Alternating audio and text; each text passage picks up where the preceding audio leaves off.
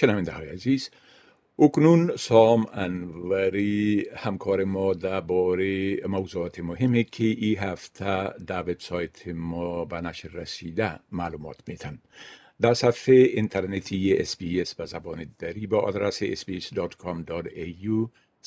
دری هر روز مطالب جالب و دانستنی درباره تازه ترین رویدادها و تحولات در بخش های گوناگون نشر میشه.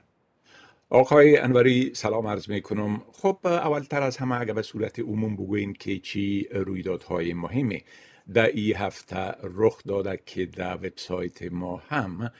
درباره او نشراتی داشتیم. با سلام به شما و شنوندگان عزیز این هفته را با ادامه پس لرزه های افشای دو پیامک تلفنی در مورد اسکات موریسون آغاز کردیم. نخست وزیر موریسون هفته گذشته پس از افشای پیامک ها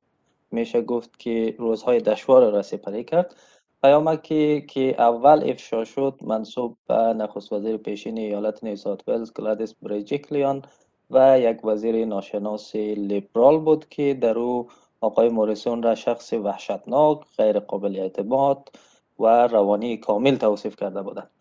پیامک دوم متعلق به معاون نخست وزیر بارنبی جویس بود. در این پیامک سال گذشته قبل از بازگشت آقای جویس به سمت معاونت نخست وزیری از طریق یک شخص سالس و بریتنی هیگنز کارمند سابق حزب لیبرال فرستاده شده بود. آقای جویس آقای موریسون را دروغگو و شخص ریاکار خطاب کرده بود. در اول هفته وزیر خارجه پیشین استرالیا از حزب کارگر باب کار ادعا کرد که پیامک منصوب به خانم بریجکلیان توسط پیتر داتون وزیر دفاع افشا شده که آقای داتون این موضوع را شدیدا رد کرد. معاون نخست وزیرم بعد از افشای پیامک خود ضمن عذرخواهی از آقای موریسون پیشنهاد استعفای خود را به او داد که آقای مورسون پیشنهاد را نپذیرفت. روز سه شنبه گرد همایی بزرگی پناهندگان افغانستان را در کانبرا داشتیم که در او خواستار اعطای اقامت دایم و دارندگان ویزه های موقت پناهندگی شدند. شیوع ویروس کرونا به ویژه در سه ایالت پرنفوس نیو ساوت ولز، ویکتوریا و کوینزلند همچنان ادامه دارد و در حال حاضر روزانه ده ها هزار نفر به این ویروس مبتلا می شوند و ده ها نفر دیگه از اثر این بیماری جان میتن همزمان این هفته رخدادهای مهمی در سطح فدرال در زمینه در رابطه به ویروس کرونا رخ دادن که از جمله می توان به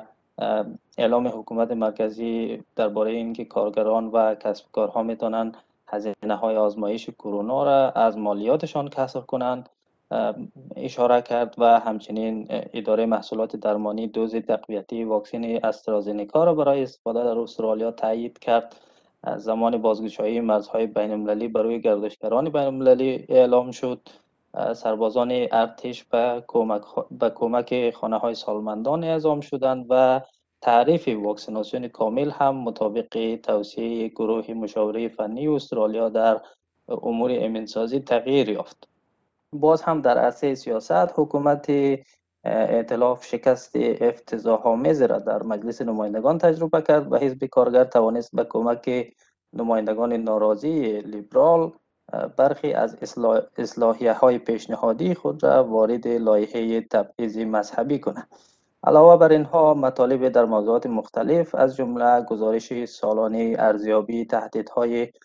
سازمان استخبارات استرالیا یا ایزیو انتخاب یک دختر افغان به عنوان سفیر جوان یونیسف استرالیا برای سال 2022 خودنه زنان تشکیل یک سازمان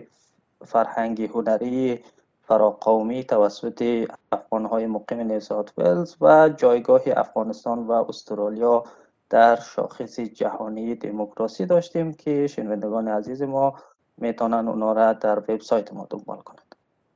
بله خب درباره تغییر تعریف واکسیناسیون کامل گفتین میشه که در این باره یک مقدار توضیحات بتین؟ بله گروه مشاوره فنی استرالیا در امور امنسازی که موسوم به اتاگی است اعلام کرده که پس از این کسانی کاملا واکسینا شده دانسته میشن که دوزی تقویتی واکسن کرونا را دریافت کرده باشند جدیدترین توصیه یتاگی روز پنجشنبه بعد از جلسه رهبران فدرال و ایالتی در کابینه ملی منتشر شد. اتاگی همچنین در توصیه جدید خود گفته است که از این به بعد کسانی که دوزی سه دوزی واکسن زده اند برای شده یا اپ تو دیت برای آنها استفاده میشه و آنهایی که دوز دومی خود را بیش از شش ماه پیش دریافت کرده و هنوز دوز تقویتی نزدن به اونها برای اونها تعریف عقب افتاده یا اووردیو استفاده میشه. چنان که می‌دانید در حال حاضر افراد بالای 16 سالی که سه ماه از دوز دومشان سپری شده باشه واجد شرایط دوز تقویتی شناخته می شوند البته قابل یادآوری است که این توصیه اتاگی از پایان ماه مارچ به اجرا در می آید بله خب از تظاهرات افغان ها در این هفته در کمبرا گفتیم که مطلب در این مورد هم در وبسایت ما نشر شده. میشه که یک مقدار در این مورد روشنی بیندازیم بله همانطوری که اشاره شد اعضای جامعه افغان استرالیا روز سه شنبه هفته گرد همایی بزرگی را در چمن مقابل پارلمان فدرال برگزار کردند. و در او خواستار اعطای اقامت دایم به پناهندگان شدند که قریب به یک دهه پیش از افغانستان به استرالیا آمدند.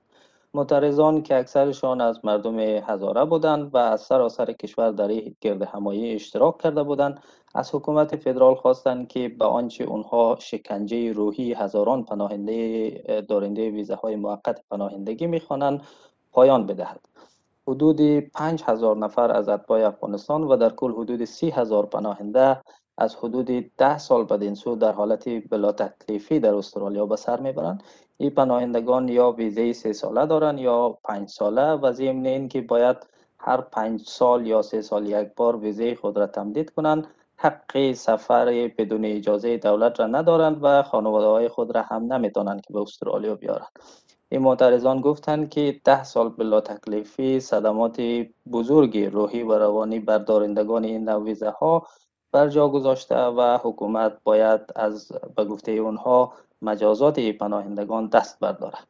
بله خب بسیار تشکر آقای انوری از این معلوماتتان و فعلا شما را به خدا می سپارم. روز خوش و آخر هفته خوش برتان آرزو می کنم. تشکر از شما خدا نگهدار.